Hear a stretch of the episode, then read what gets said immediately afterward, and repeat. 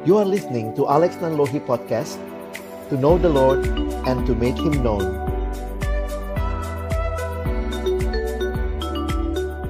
Dengarkan firman, Tuhan tolonglah kami semua.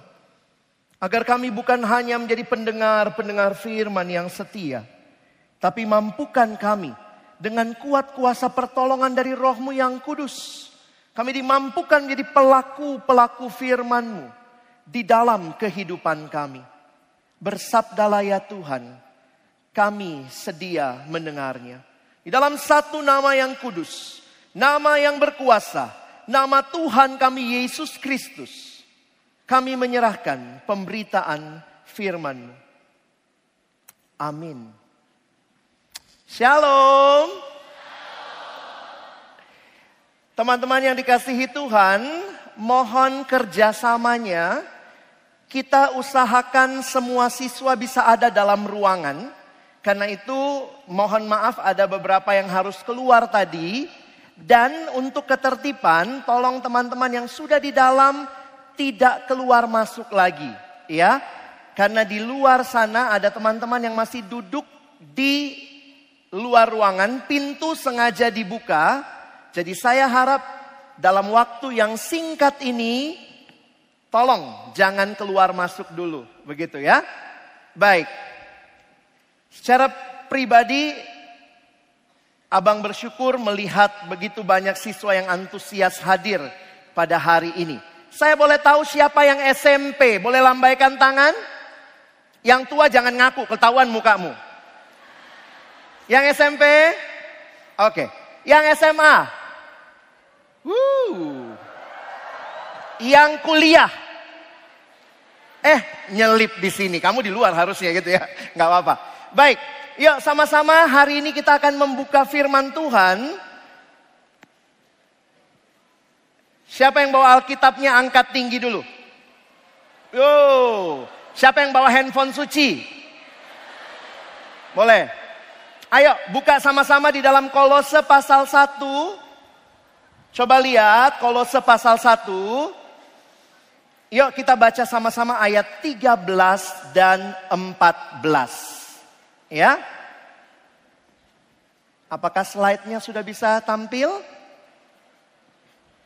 Kolose pasal yang pertama, ayat 13 dan 14. Yang sudah ketemu bilang amin.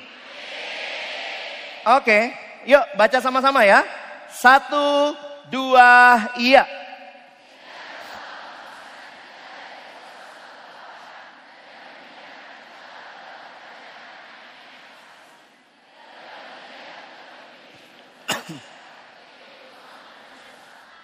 Perhatikan sama-sama. Iya. Siapa iya? Allah telah melepaskan kita dari kuasa kegelapan dan memindahkan kita ke dalam kerajaan anaknya yang kekasih. Di dalam dia, anaknya itu, kita memiliki penebusan kita, yaitu pengampunan dosa. Kalex ingin sama-sama kita belajar dari firman Tuhan ini.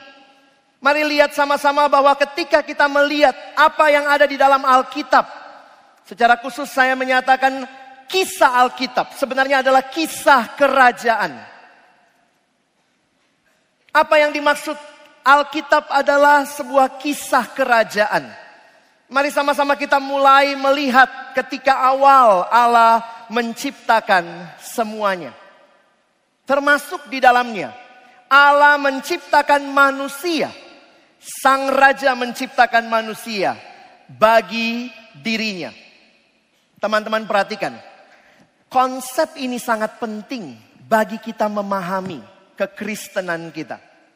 Kalau kita dicipta oleh sang raja dan kita dicipta bagi dirinya, saya suka ulang-ulang ilustrasi yang sama biar kalian lebih nangkap. Contohnya, kalau abang ciptakan benda ini, ini namanya pointer ya. Kalau saya ciptakan benda ini, maka begitu pertama kali benda ini dicipta, punya siapa? Punya yang men mencipta. Jangan bilang, oh tapi bisa dijual bang, tahan dulu otak dagangmu.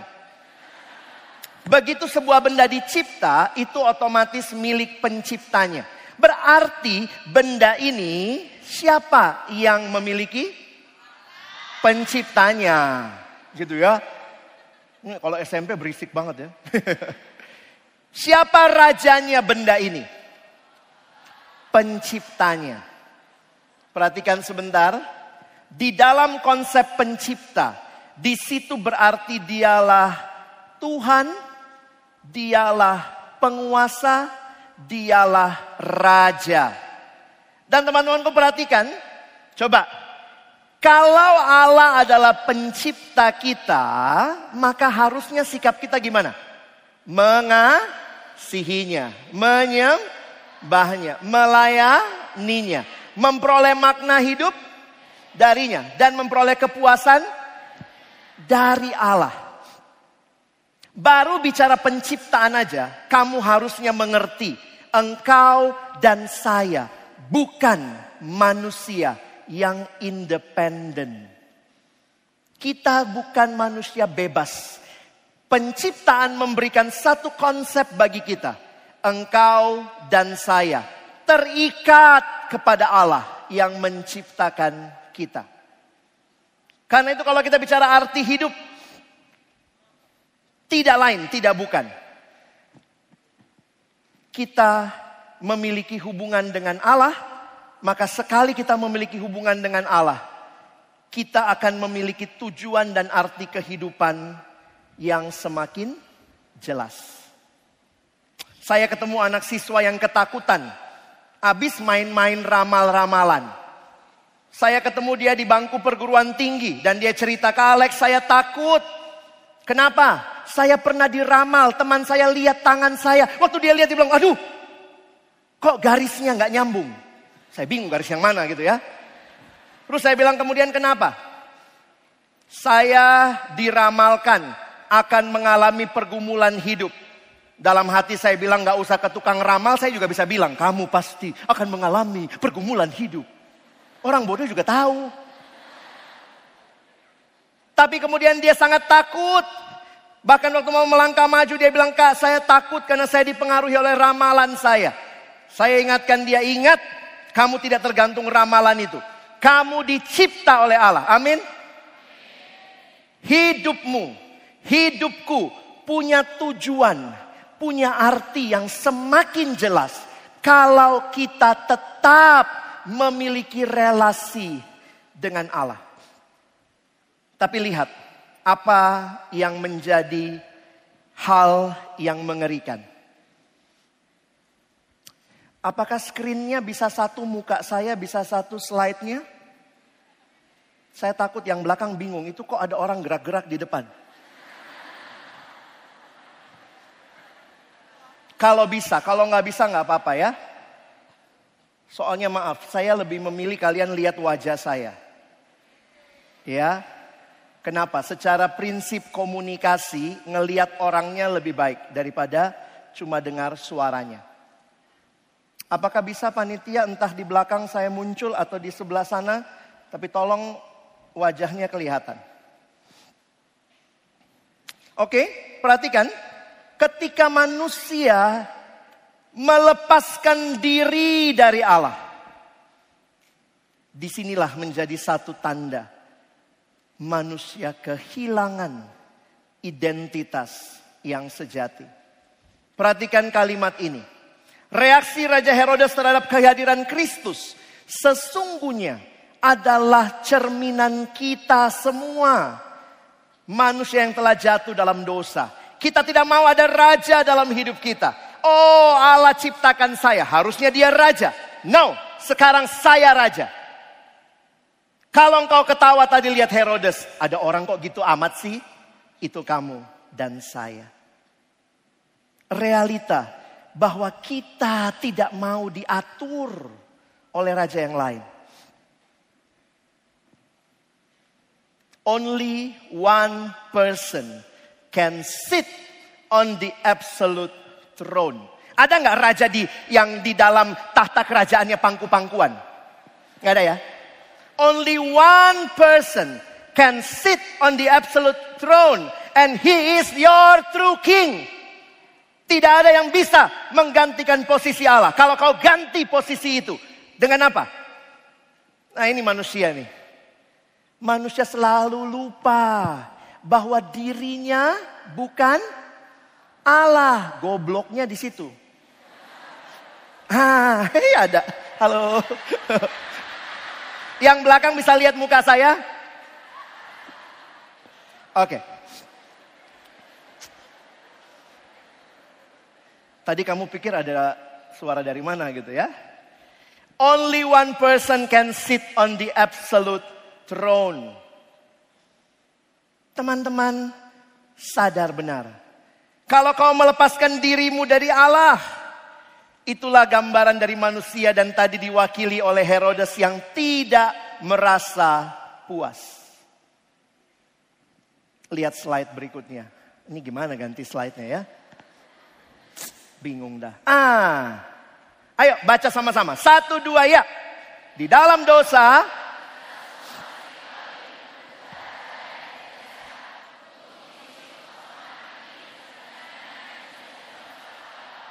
Perhatikan kata Alkitab. Kitab pengkhotbah bilang begini. Coba lihat sama-sama. Satu, dua, ya.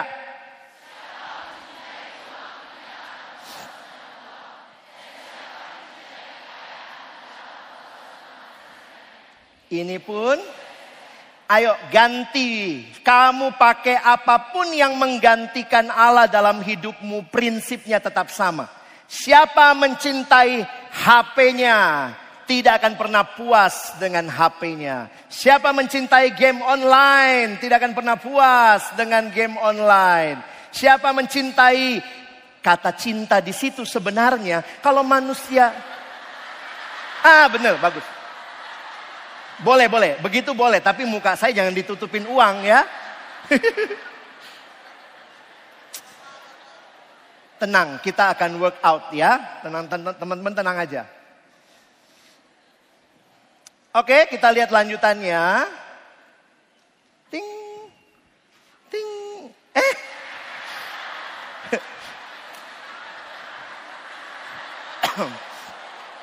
Kalian lebih suka saya gimana sih ya?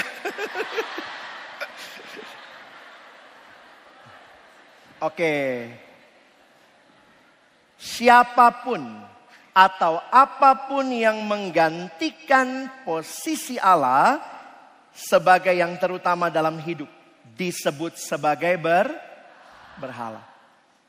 Kalau kau ganti pusat hidupmu bukan Allah, tujuan hidupmu bukan Allah, kepuasan hidupmu bukan Allah, kamu sudah menggantikannya dengan yang namanya berhala. Lihat sikap manusia kepada berhala. Next.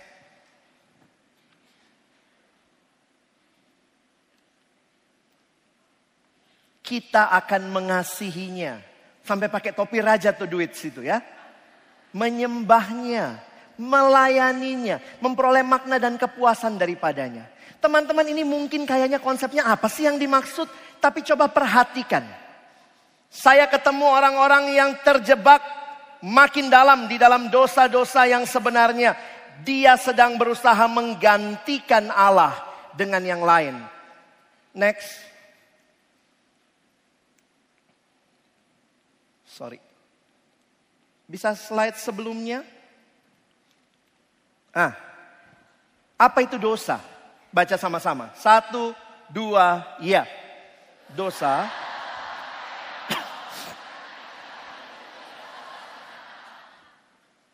Ketika engkau dan saya tidak puas dengan Allah, kita cari penggantinya. Dan itu selalu akan jadi mengerikan. Teman-teman satu waktu saya datang, ini selalu saya cerita karena sangat berkesan ketika seorang hamba Tuhan mimpin doa pengakuan dosa di gerejanya untuk orang muda. Lalu kemudian dia maju ke depan dan bilang, mari kita mengaku dosa kita. Lalu hamba Tuhan ini mulai berdoa, saya ada duduk di situ. Terus saya dengar doanya, itu doa pengakuan dosa paling kontekstual yang pernah saya dengar.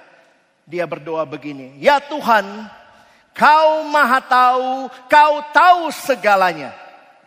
Tuhan, kau tahu apa isi HP kami, Kau tahu apa isi flash disk kami? Kau tahu apa isi hard disk kami? Kau tahu apa isi laptop kami? Kalau hal-hal itu tidak menyenangkan Tuhan, tolong kami pulang dari sini. Buang itu. Wow. Ayo, ayo. Angkat HP-nya. Siapa yang mau HP-nya buat kemuliaan Tuhan? Angkat. Kalau kau nggak siap, jangan angkat. Aduh bang, banyak video porno. Siapa yang siap HP-nya buat kemuliaan Tuhan? Siapa yang pulang dari sini mau hapus isi-isi yang tidak bermuliakan Tuhan?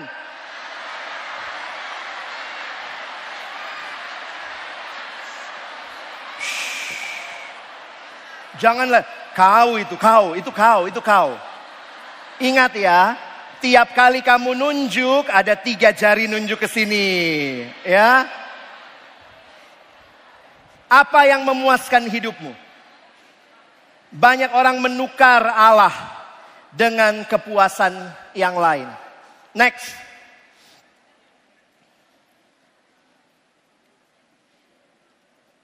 Yuk baca sama-sama ya. Satu, dua, ya.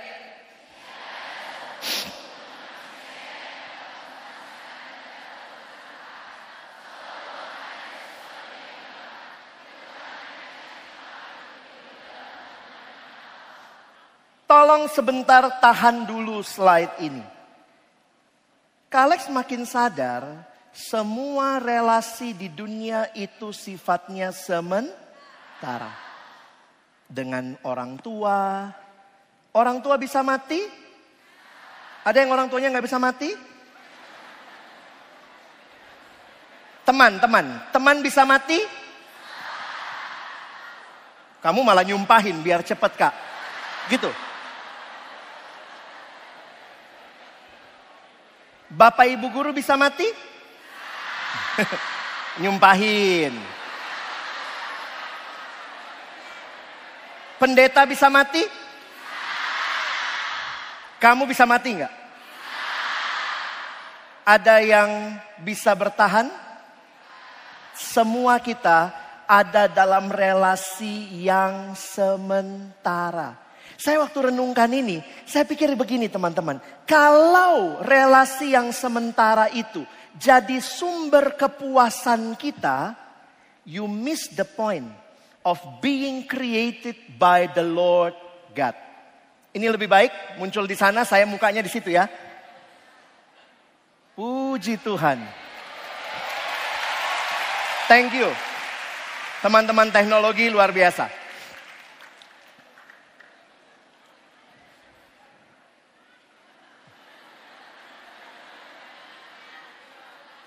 Nah, yuk baca lagi ya. Ini tulisan atau kutipan saya ambil dari seorang bernama Nicky Gamble. Baca sama-sama. Satu, dua ya.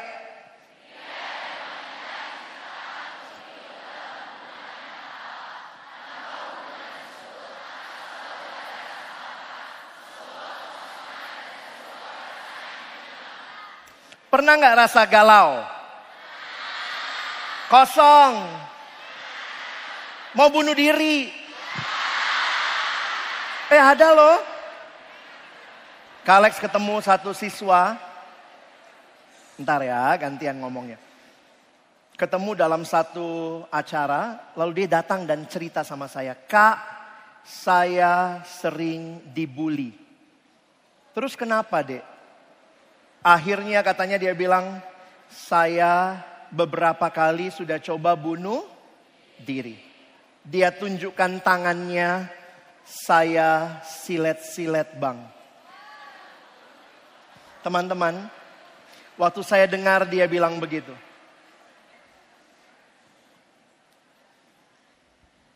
Saya ingatkan dia, Tuhan mengasihi kamu. Tapi teman-teman saya nggak suka sama saya. Iya, itu relasi-relasi yang sementara. Bukan berarti kita tidak boleh punya teman. Kita boleh punya teman, punya sahabat, kita boleh dapat pengakuan dari mereka. Tapi bahkan ketika itu semua tidak bisa memberikan pengakuan yang paling mendasar, ingatlah. Allah yang menciptakanmu, menciptakanmu dengan sempurna. Amin.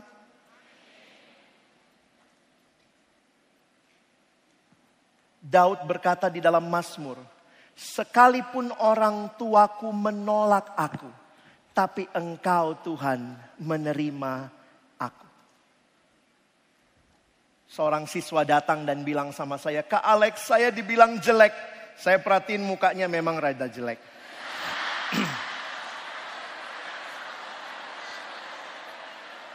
Tapi saya bilang sama dia, please ingat baik-baik. Allah menciptakanmu berharga. Puji Tuhan ya ayatnya nggak bilang karena engkau cantik dan ganteng di mataku. Ayat Alkitab nggak bilang begitu. Ayat Alkitab bilangnya lebih mendasar. Engkau berharga di mataku. Kalau kau bangun hidupmu hanya dari pengakuan orang, hanya dari apa kata orang tentang dirimu. Kau bangun dari identitasmu dari apa kata orang tentang dirimu. Kamu mungkin akan bisa kecewa. Karena orang lain tidak bisa melihatmu sebagaimana Allah penciptamu melihat hidupmu. Dia ciptakan kamu berharga. Dia katakan engkau berharga, engkau milikku, aku mengasihimu. Seorang anak mahasiswa datang dan bilang sama saya, Kak Alex, saya di rumah tidak diharapkan. Tahu dari mana? Kata papa saya begitu. Waktu saya dimarahin, tiba-tiba papa ngomong begini. Dasar lu anak yang tidak diharapkan. Terus kan ya papa doang yang ngomong deh. Mama juga. Waktu mama marah bilang, dasar kamu anak yang tidak diharapkan. Lama-lama saya melihat iya ya, kayaknya saya memang gak diharapkan bang. Terus kemudian dia suka lihat-lihat. Dia bilang, iya dulu saya dibecandain. Kamu tuh diambil dari tempat sampah. Makin dia lihat tempat sampah, kok makin mirip. Makin sedihlah hatinya. Saya bilang sama dia, ingat. Allah mengasihi kamu. Tidak ada satupun yang hadir dalam dunia ini di luar rencana Allah. Teman-teman ingat, ada nggak yang waktu kau lahir Allah kaget? Ih kok ada? Ada nggak? Nggak ya? No. Orang tuamu mungkin kaget. Temanmu mungkin kaget lihat mukamu, ih jelek banget sih lo. Dia akan lihat, ih kok kayak gitu sih lo. Tapi Allah penciptamu mengasihi dan dia menerima engkau. Teman-teman saya gambarkan ini dengan gambaran ini. Manusia yang cari kepuasan di luar Tuhan. Seperti orang yang lagi minum air laut. Orang yang sangat kehausan minum air laut. Pernah coba? Apa kira-kira yang terjadi? Kalau orang yang kehausan minum air laut. Makin minum, makin haus. Ayo, Kenali baik-baik hatimu. Apa yang sedang mengisi kekosongan hatimu? Mungkinkah relasi ada orang yang nggak bisa tidak mesti pacaran? Gue nggak bisa sepi kak. Gue bilang ke pasar. Banyak orang di sana.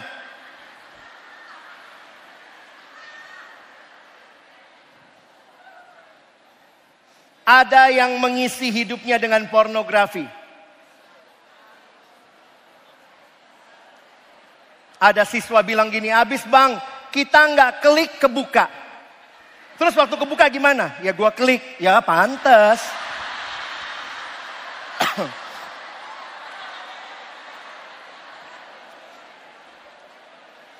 Ada orang yang cari kepuasan dari sosial media. Tiap kali ngecek HP, berapa like, berapa like.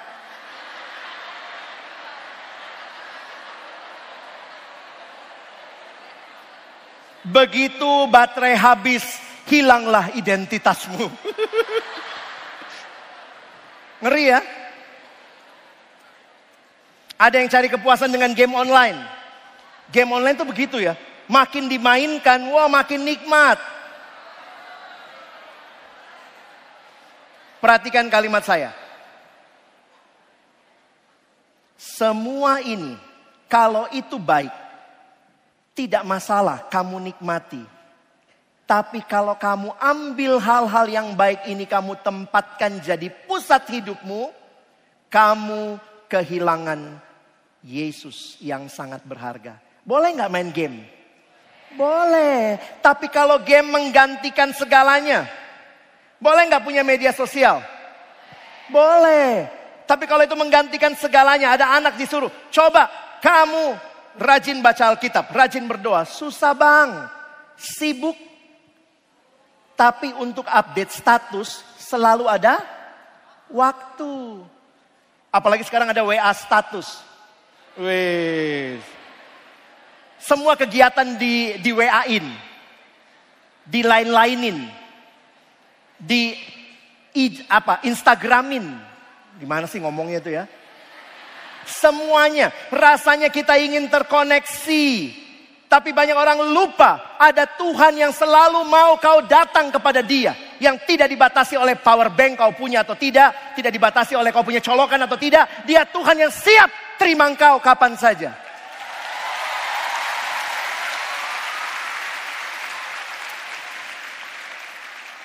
Tapi banyak yang kalau disuruh doa, baca Alkitab, maaf Tuhan, enggak ada waktu. Remaja sekarang paling ngeri ya. Uring-uringannya kalau wifi mati. Uh, gitu ya.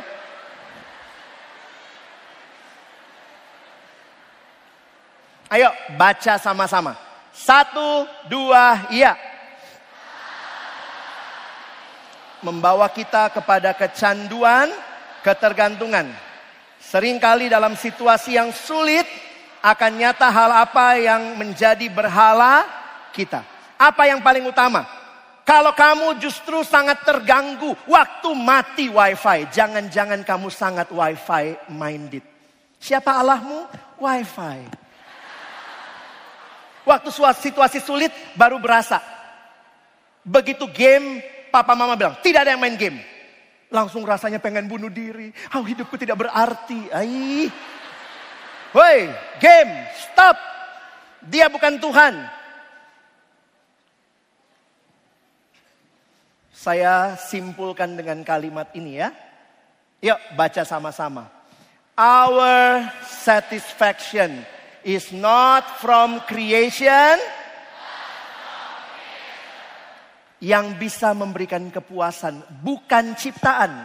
Game online ciptaan? Pornografi manusia ciptakan untuk merusak orang lain. Itu cara iblis merusak generasi ini. Kalau kau pikir kau bisa puas dengan pornografi, saya makin mengerti. Kalau pornografi memuaskan, harusnya kau cukup nonton satu film porno seumur hidupmu. Satu kali nonton udah puas kan? Lalu waktu ditawarin lagi, oh tidak, sudah puas.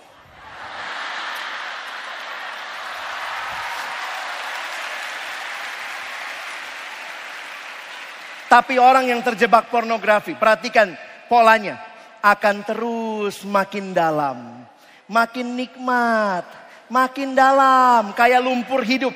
Makin gerak, makin tenggelam, makin gerak, makin tenggelam. Lama-lama nggak bisa naik. Saya mau simpulkan sedikit. Apa itu dosa? Makin saya merenungkan, ada dua hal yang perlu kita perhatikan. Yang pertama, dosa bisa jadi manusia mengecilkan Allah. Reducing God. Kau pikir yang bisa memuaskan, oh bukan Tuhan. Tapi kepuasanku sendiri. You reduce God.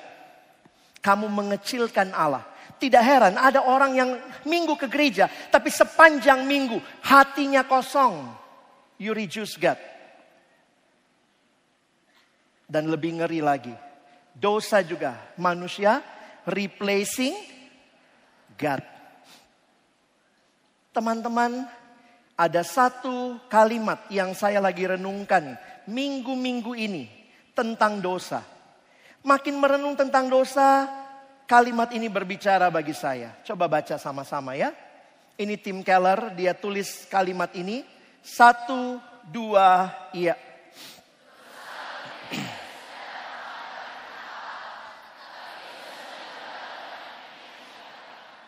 Banyak kali saya pikir, oh saya berdosa, saya cuma melanggar perintah Allah, saya lupa. Dosa juga menyakiti hati Allah. Allah cipta engkau dan saya untuk mengalami relasi dengan dia. Tapi di dalam dosa manusia lebih pilih. Oh saya tidak mau Tuhan. Saya mau yang lain. Itu namanya Alkitab pakai istilah yang mengerikan.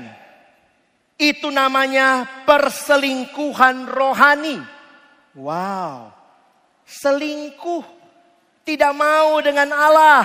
Cari kekasih lain. Perhatikan. Saya coba membaca di dalam Alkitab ketemu beberapa ayat ini. Masih ingat ayat ini? Jangan ada padamu Allah lain awal dari seluruh list itu. Jangan ada padamu Allah lain. Coba baca bagaimana sakit hatinya Tuhan ketika Hosea. Sama-sama kita baca ya. Umatku sama seperti istrimu itu. Mereka tidak setia atau terjemahan lain menggunakan istilah bersundal hebat Teman-teman makin saya merenungkan ini saya pikir Tuhan kalau saya melakukan dosa saya bukan hanya merusak diri saya. Tapi saya juga menyakiti hatimu engkau yang sudah mati bagi saya. Jangan kau pikir dosa cuma sekedar saya melanggar hukum. Pasti ada hukum yang kau langgar. Tapi ada hati yang sedang kau dan saya sakiti. Baca ayat ini sama-sama. Hakim-hakim 2 ayat 12. Satu, dua, iya. Allah nenek moyang mereka.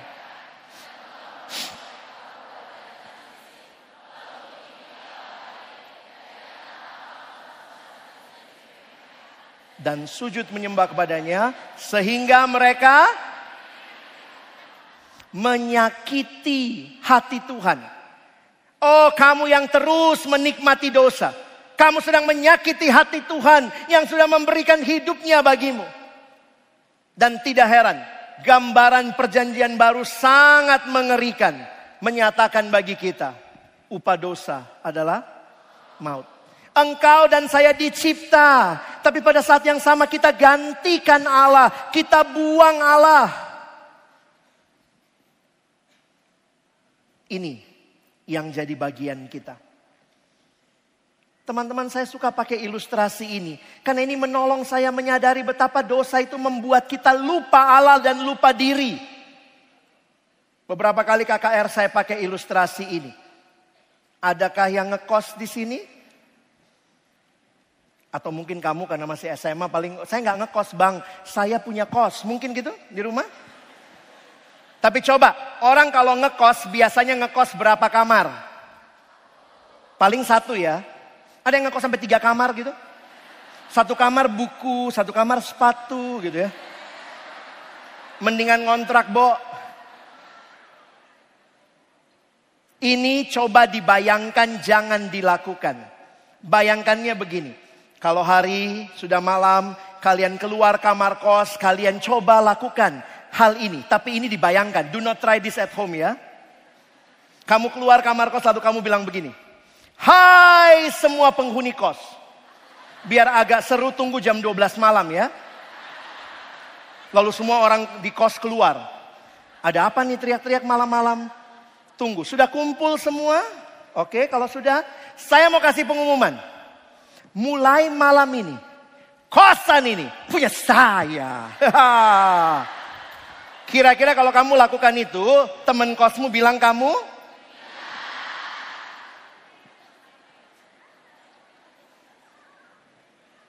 Eh, dengar teriak-teriak malam-malam ibu kosnya datang. Ada apa nak? Kok teriak-teriak? Tante pemilik kos. Ada apa? Tante saya baru kasih pengumuman tadi persis jam 12 malam. Apa itu pengumumannya? Mulai malam ini. Kosan ini punya saya. Pasti ibu kos juga bilang kamu. Dan puncak kegilaanmu malam itu adalah kau bilang, mulai malam ini tante keluar dari sini.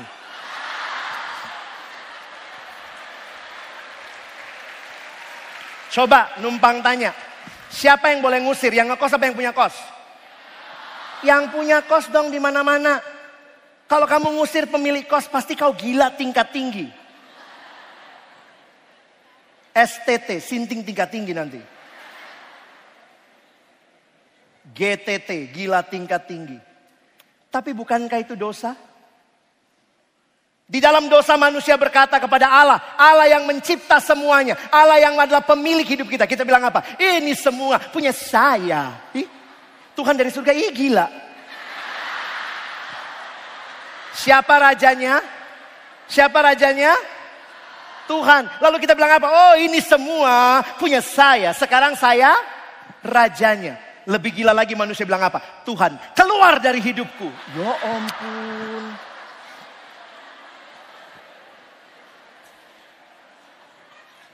Enak nggak ditolak? Ayo yang pernah ditolak. Enak nggak? Enggak ya? Pernah ditolak nggak? Coba teman-teman gini ya. Dengarkan kalimat saya. Puji Tuhan. Puji Tuhan Tuhanmu dan Tuhanku tidak baper. Ayo bilang sama teman, puji Tuhan Tuhanku nggak baper. Bilang, bilang sama temenmu. Kalau saya jadi Tuhan, ini umpama ya. Kalau saya jadi Tuhan ditolak, saya tinggal benar kamu. Kalau kamu bilang, Kalex keluar dari hidupku. Oke ya, gue keluar ya. Nggak ada hubungan ya. Puji Tuhan, saya bukan Tuhannya. Ketika engkau dan saya di dalam dosa, manusia menolak Allah. Perhatikan cerita Alkitab. Allah datang mencari manusia. Dosa, manusia menolak Allah, manusia membuang Allah, tapi Allah datang cari engkau dan saya. Itu satu cerita yang luar biasa. Kita tidak cari dia. Alkitab berkata tidak seorang pun yang mencari Allah. Teman-teman waktu saya dapat gambar ini pertama kali. Ada yang lihat gambar ini? Saya terharu sekali loh. Ini gambar Yesus lagi menyelamatkan Petrus yang tenggelam. Siapa yang di atas air? Tuhan ya. Petrusnya kira-kira di mana? Di dalam air. Emang Petrus ikan? Bukan. Bukan.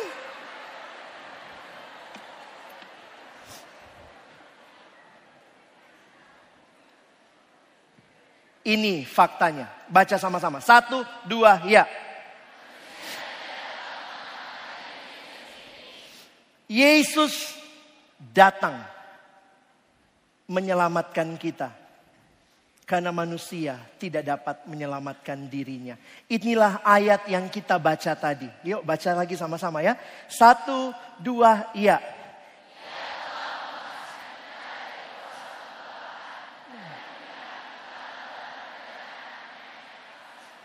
Di dalam dia kita memiliki penebusan kita. Engkau dan saya yang menolak dia. Manusia tidak ada yang mencari dia. Tetapi Alkitab berkata dia datang dan cari kita di mana pun kita berada. Kalau Raja Dunia korbankan orang lain untuk dirinya. Maka Yesus adalah raja yang mengorbankan dirinya bagi engkau dan saya. Apa yang dia buat bagi kita? Baca ayat ini sama-sama. 1 Petrus 1 ayat 18 dan 19. 1 2 iya.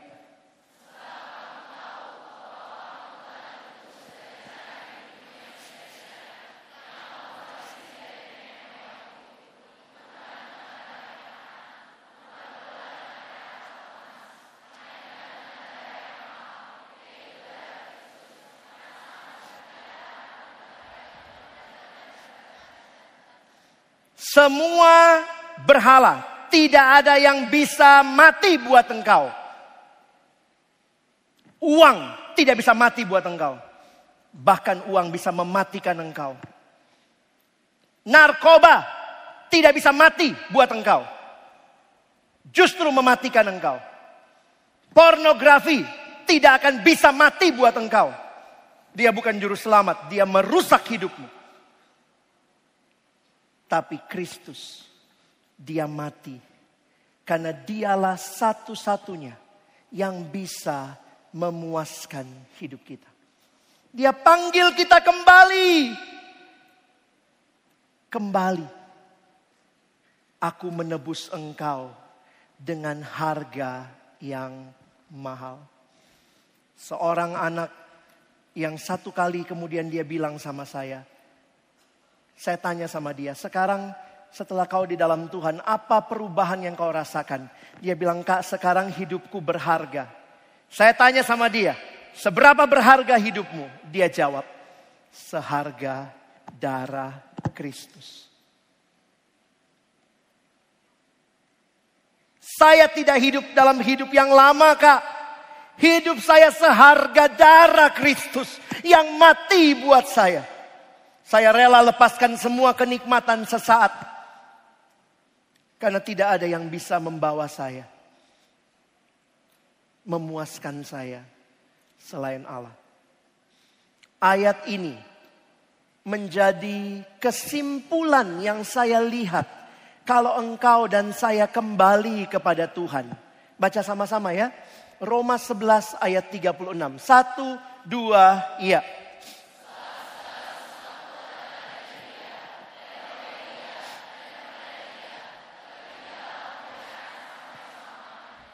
Segala sesuatu dari siapa? Oleh siapa? Kepada siapa?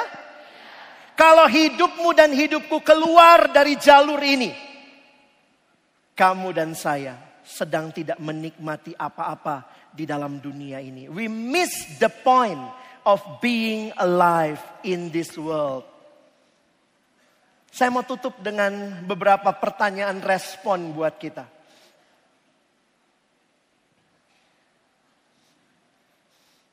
Siapa atau apa yang saat ini menjadi berhala dalam hidupmu.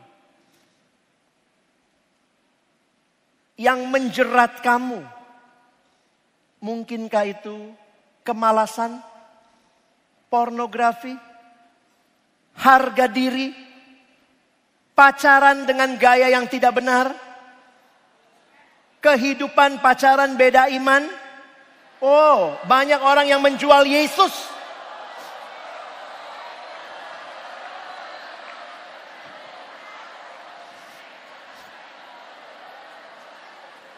Ada anak bilang gini,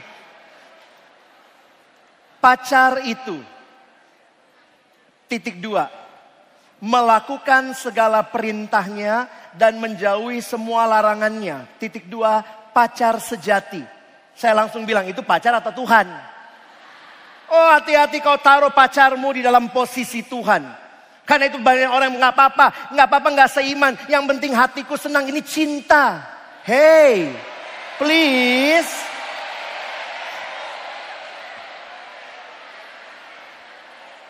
Bawa pulang kalimat ini.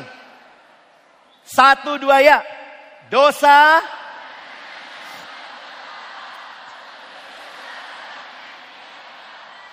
Hari ini saya tidak mau hakimi kamu, ih kamu berdosa, kamu lakukan ini, kamu melanggar perintah satu, perintah dua, perintah tiga. Saya mau angkat kita sama-sama melihat. Di dalam dosa engkau dan saya sedang menyakiti hati Allah. Stop! Sakiti hatinya. Karena dia sudah berikan segalanya buat engkau. Di manakah kau taruh cintamu?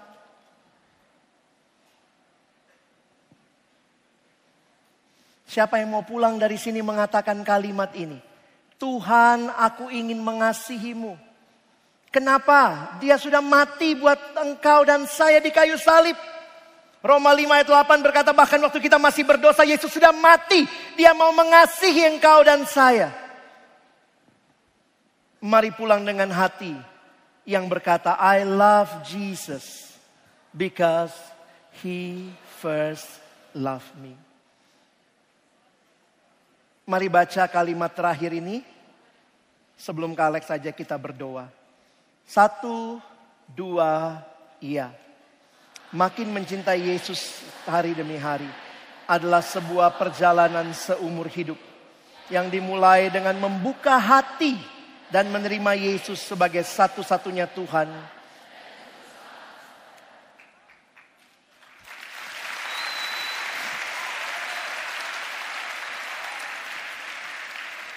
Perjalananku belum selesai.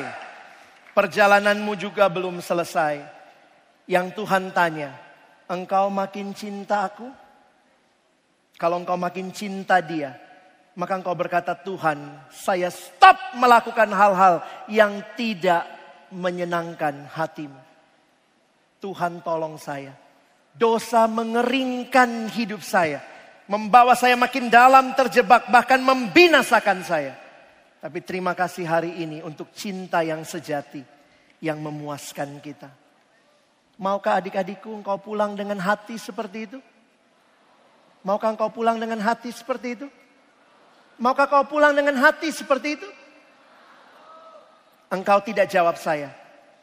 Jawablah Tuhan yang kenal hatimu. Mari tunduk kepala kita berdoa.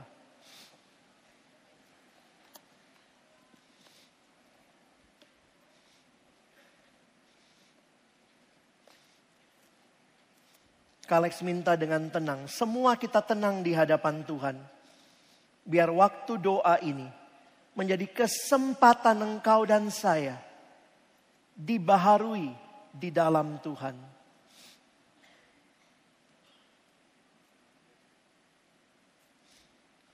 Yang terutama di dalam hidup ini meninggikan nama Yesus. Yang terutama di dalam hidup ini memuliakan namanya. Mari jika kau tahu lagu ini. Dengan hati yang lembut terarah kepada Tuhan. Jadikan sebagai doamu di hadapan Tuhan.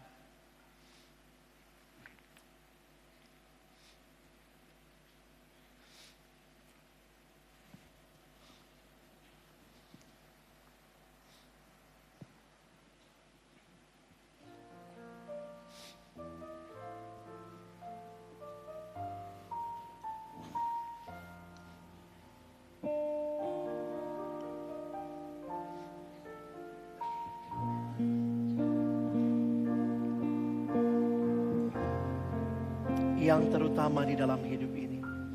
Yang terutama di dalam hidup ini meninggikan nama Yesus yang terutama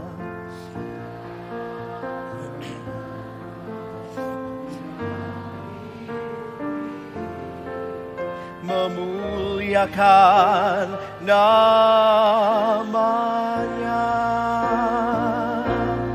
Haleluya, haleluya, saya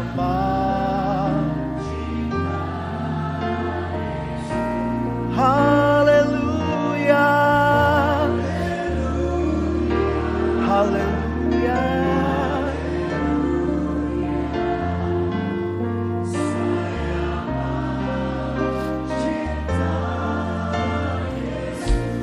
Mari yang wanita nyanyikan, yang pria berdoa kepada Tuhan.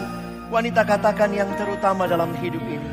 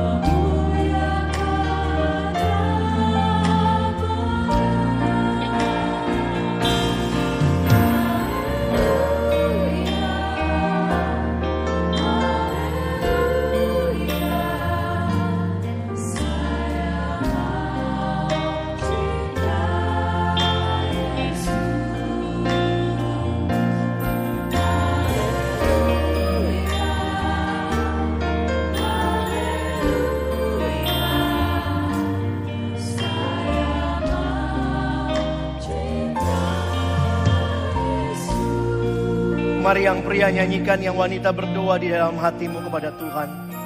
Katakan dengan lembut di hadapannya. Ya, terutama di dalam hidup ini meninggikan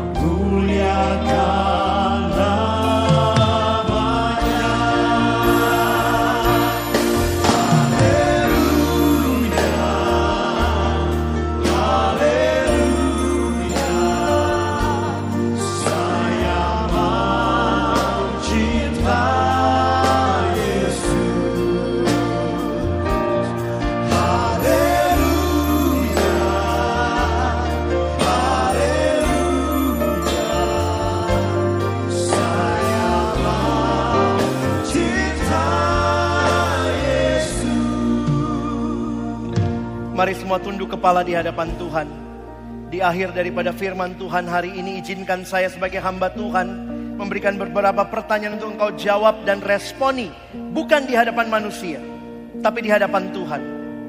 Kalau engkau duduk sebelah kiri kanan dengan temanmu, tolong berhenti, tidak usah main-main lagi. Kalau hari ini di hadapan Tuhan, engkau yang sudah dengar firman, engkau yang sudah mengerti cinta Tuhan yang luar biasa buat engkau. Tuhan yang tidak baper, Tuhan yang bahkan mencari engkau dan saya waktu kita meninggalkan dia. Siapa yang berkata Tuhan di sini saya? Saya mau mencintai engkau lebih dan lebih lagi. Saya mau tinggalkan hal-hal yang selama ini menyenangkan saya tapi saya tahu itu tidak menyenangkan Tuhan. Mungkin itu dosa-dosa yang saya nikmati. Orang lain tidak tahu. Hatiku terdalam tahu. Tuhan tidak senang dengan hal itu. Mungkin itu kemalasanku, mungkin itu pornografi, mungkin itu kemarahanku. Aku merasa orang-orang di sekitarku sulit menerima aku. Tapi hari ini aku dengar Tuhan mengasihiku. Tuhan engkau Allah yang kekal. Tidak ada satu pribadi pun yang bisa memuaskan hatiku selain engkau. Hari ini saya mau buka hatiku. Terima Yesus sebagai satu-satunya Tuhan dan Juru Selamat di dalam hidupku. Kalau ada adik-adikku yang mau ambil keputusan ini, engkau yang berkata, "Tuhan, saya sudah capek. Selama ini semuanya tidak memuaskan hatiku, tapi hari ini aku bersyukur kau mati bagiku. Engkau raja yang menderita gantikanku. Tuhan, aku mau buka hatiku terima engkau sebagai satu-satunya Tuhan dan juru selamat dalam hidupku." Kalau ada yang mau ambil keputusan ini, pada waktu semua tunduk kepala, Kalex minta angkat tanganmu sebentar. Saya mau berdoa buat engkau. Apakah ada puji Tuhan? Ada lagi yang berkata Tuhan di sini saya. Selama ini saya cari kepuasan. Saya jauh dari Tuhan. Tapi hari ini Tuhan. Saya mau kembali kepadamu. Terima kasih Tuhan kau tidak membuang aku. Kau mencari aku. Ada lagi yang berkata Tuhan di sini saya. Kalau Tuhan gerakan hatimu, angkat tanganmu. Saya mau berdoa bagi engkau. Puji Tuhan, masih ada. Puji Tuhan. Ada lagi, puji Tuhan. Yang di luar, di ruangan yang lain, kalau kau dengar panggilan ini, Tuhan mau engkau kembali kepadanya. Cintai dia yang sudah mencintaimu dengan luar biasa. Ada lagi yang berkata di sini saya Tuhan, angkat tangan. Puji Tuhan. Mohon tangan diturunkan. Adakah yang hari ini berkata Tuhan, saya juga pernah ambil keputusan terima Yesus. Saya bahkan berkali-kali dalam KKR mungkin ambil keputusan, tapi seiring berjalannya waktu, saya jatuh lagi dalam hidup yang lama, hidup yang mendukakan Tuhan, hidup yang mencintai hal yang lain lebih daripada Tuhan. Hari ini saya dengar firman-Mu, saya dengar panggilan-Mu, Engkau mengasihiku, Tuhan baharui saya. Bagi adik-adikku yang sudah pernah terima Yesus, Kau membutuhkan pembaharuan hari ini. Jika engkau berkata Tuhan di sini saya, baharui saya sekali lagi. Bagi mereka yang mau dibaharui, saya mau berdoa juga bagi engkau. Angkat tanganmu sebentar. Puji Tuhan yang sudah pernah terima Yesus tapi hari ini berkata Tuhan baharui saya sekali lagi. Saya mau berdoa bagi engkau juga. Puji Tuhan yang di belakang, yang di luar. Ada lagi yang berkata Tuhan di sini saya. Puji Tuhan, masih ada lagi. Puji Tuhan. Ada lagi. Kembali kepada Tuhan. Dia mengasihimu. Bawa hidup yang mengasihinya. Tinggalkan hidup yang lama dan berkata Tuhan aku mencintaimu lebih dari segalanya. Ada lagi.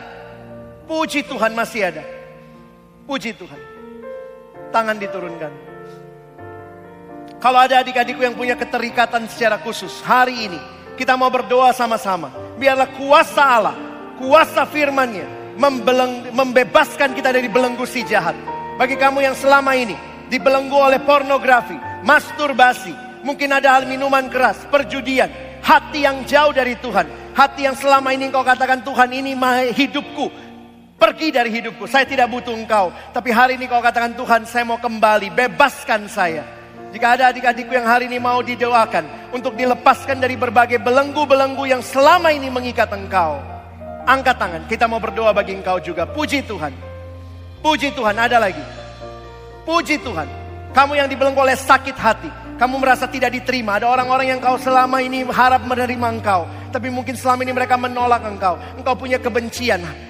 Akar pahit. Hari ini katakan di hadapan Tuhan. Tuhan, saya mau lepaskan itu. Ada lagi yang berkata, Tuhan di sini saya. Bagi adik-adikku yang mungkin selama ini engkau diikat oleh belenggu pornografi. Engkau yang sudah masuk dalam pornografi begitu dalam. Hari ini engkau berkata, Tuhan saya mau serahkan hidupku. Saya serahkan HP-ku. Saya serahkan laptopku. Semua yang memberikan selama ini saya jatuh dalam dosa. Saya mau berikan bagi kemuliaan Tuhan. Saya mau pulang. Saya mau hapus semua itu. Bagi kemuliaan Tuhan. Ada lagi. Puji Tuhan. Puji Tuhan tangan diturunkan. Panggilan yang terakhir.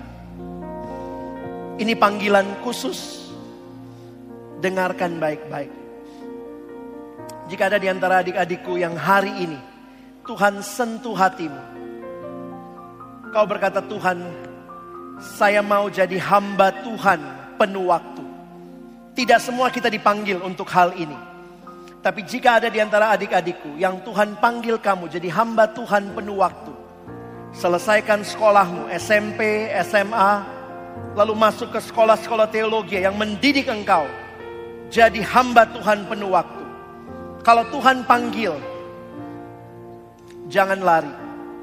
Tapi kalau Tuhan tidak panggil, tidak usah datang. Bagi mereka yang dipanggil khusus jadi hamba Tuhan, Mungkin engkau bisa jadi pendeta, jadi penginjil, jadi misionaris, jadi guru-guru agama yang akan memberkati banyak siswa lagi, banyak orang di dunia ini. Jika ada yang Tuhan panggil khusus jadi hamba Tuhan, hari ini di hadapan Tuhan dan jemaatnya, siapa yang berkata Tuhan di sini saya? Angkat tanganmu, kita mau berdoa bagi kaummu juga. Puji Tuhan, tidak semua orang dipanggil jadi hamba Tuhan, tapi kalau Tuhan panggil, serahkan dirimu, datang, serahkan masa mudamu, Selesaikan sekolahmu dulu. Lalu engkau masuk ke sekolah teologi yang mendidik engkau dengan baik. Ada lagi. Ada tangan-tangan yang terangkat di belakang. Di luar. Jika ada yang Tuhan panggil khusus jadi hamba Tuhan penuh waktu. Ada lagi. Puji Tuhan. Ini panggilan terakhir. Kalau Tuhan gelisahkan hatimu. Tuhan, aku mau serahkan hidupku. Bukan untuk aku. Tapi untuk kerajaan Allah dibangunkan. Ada lagi sebelum saya tutup panggilan ini. Yang dipanggil secara khusus jadi hamba Tuhan. Angkat tanganmu. Puji Tuhan. Puji Tuhan masih ada. Tangan diturunkan. Saya mohon kita semua berdiri. Sama-sama kita akan bernyanyi lagu ini. Kita taruh tangan kanan kita di dada kita. Dan kita katakan komitmen kita hari ini yang terutama di dalam hidup ini. Meninggikan namamu Tuhan. Haleluya. Haleluya. Saya mencintai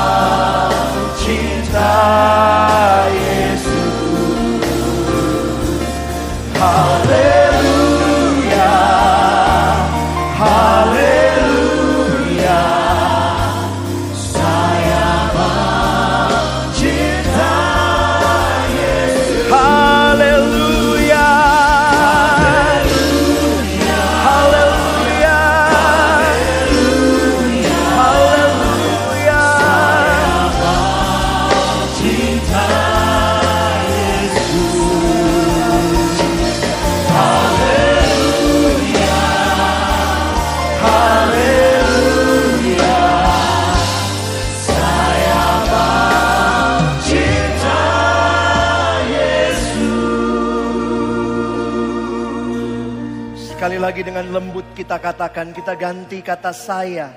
Kita ganti dengan nama kita masing-masing. Katakan namamu, aku mau cinta Yesus. Haleluya. Haleluya.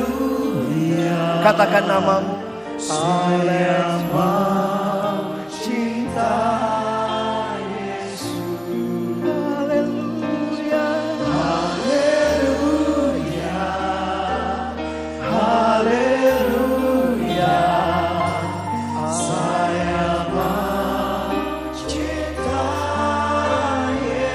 Dengan lebih lembut kita katakan sebagai doa kita. Haleluya. Haleluya. Katakan namamu. Saya mau cinta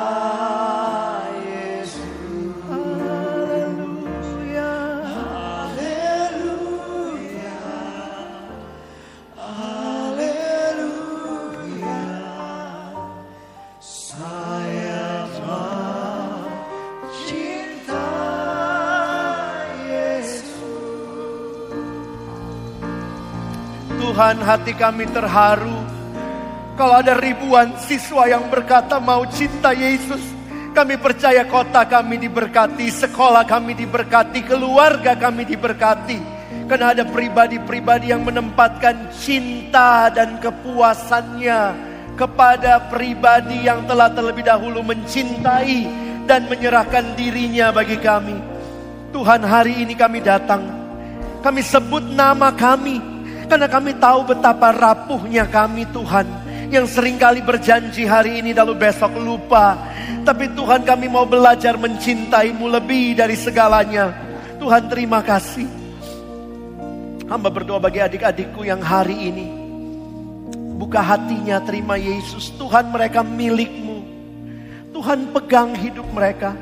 Mereka yang berkata hari ini Tuhan aku mau buka hatiku. Untuk pertama kali terima Yesus dalam hidupku. Tuhan pegang mereka. Mereka milikmu. Jadikan mereka anak-anak yang mencintaimu lebih daripada apa pun. Bagi mereka yang hari ini diperbaharui sekali lagi Tuhan pegang juga mereka. Mungkin mereka sudah melayani tapi mereka jatuh dalam dosa-dosa yang lama hari ini Tuhan berikan pembaharuan itu bagi mereka. Secara khusus hari ini hamba berdoa bagi adik-adikku yang dibelenggu oleh berbagai pergumulan hidup, berbagai dosa, berbagai keterikatan. Kami bersehati bersama-sama di dalam nama Tuhan Yesus. Kami mohon Tuhan berikan kebebasan itu, kelepasan itu. Yang datang dengan berbagai pergumulan boleh berkata terima kasih Tuhan. Engkaulah segala-galanya buat hidupku. Aku tidak cari kepuasan dalam hal-hal yang lain lagi. Tuhan hari ini biarlah kembali kebebasan itu. Kemerdekaan itu dialami oleh beribuan siswa di tempat ini Siswa-siswa yang tidak lagi menyerahkan dirinya kepada masalah-masalah pornografi. Tidak menyerahkan dirinya kepada masturbasi. Tidak menyerahkan dirinya kepada akar pahit.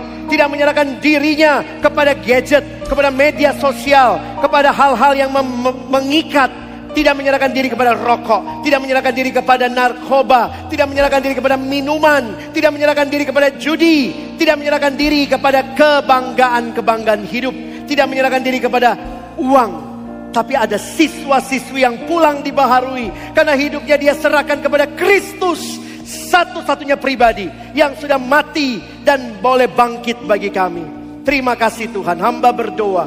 Ada kelepasan, ada kemerdekaan, ada pembaharuan. Secara khusus bagi mereka yang buka hati untuk jadi hamba Tuhan hari ini. Tuhan hamba melihat ratusan orang muda yang mau hidup bagi Tuhan. Bahkan mau menyerahkan dirinya memberitakan Injil. Hati hamba terharu Tuhan. Hamba berdoa Tuhan lawat mereka. Tuhan dengar pergumulan mereka, kerinduan mereka. Hamba berdoa biarlah mereka boleh melewati hidupnya ke depan. Menyelesaikan masa studi mereka di SMA di SMP masuk ke dalam sekolah-sekolah teologi yang mendidik jadi hamba-hamba Tuhan yang baik. Hamba berdoa biarlah ada generasi yang baru yang akan berdiri bagi Tuhan, membawa generasinya kembali kepada Tuhan. Terima kasih untuk setiap tangan yang terangkat untuk menjadi hamba Tuhan penuh waktu. Hamba menyerahkan mereka ke dalam tangan pengasihan Tuhan. Terima kasih Tuhan. Ini hidup kami. Ke dalam tanganmu kami serahkan segalanya. Haleluya, haleluya. Saya mau cinta Yesus. Silakan teman-teman nyanyikan. Haleluya.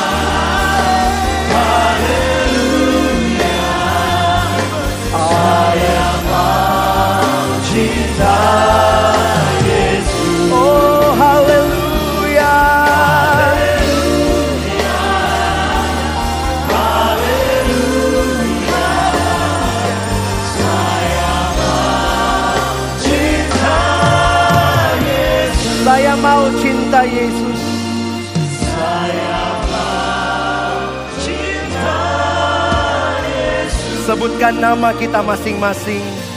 Alex mau cinta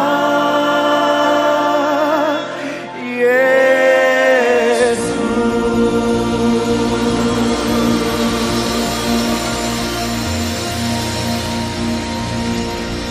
Tuhan, ini hidup kami, ini masa muda kami, semuanya bagi kemuliaan-Mu.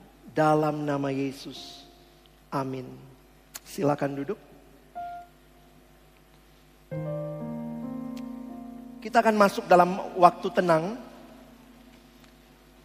Kalex minta kita boleh keluarkan lembar komitmen yang ada di dalam plastik yang kamu dikasih tadi waktu datang. Dengan tenang, tolong keluarkan, tolong diisi, karena ada abang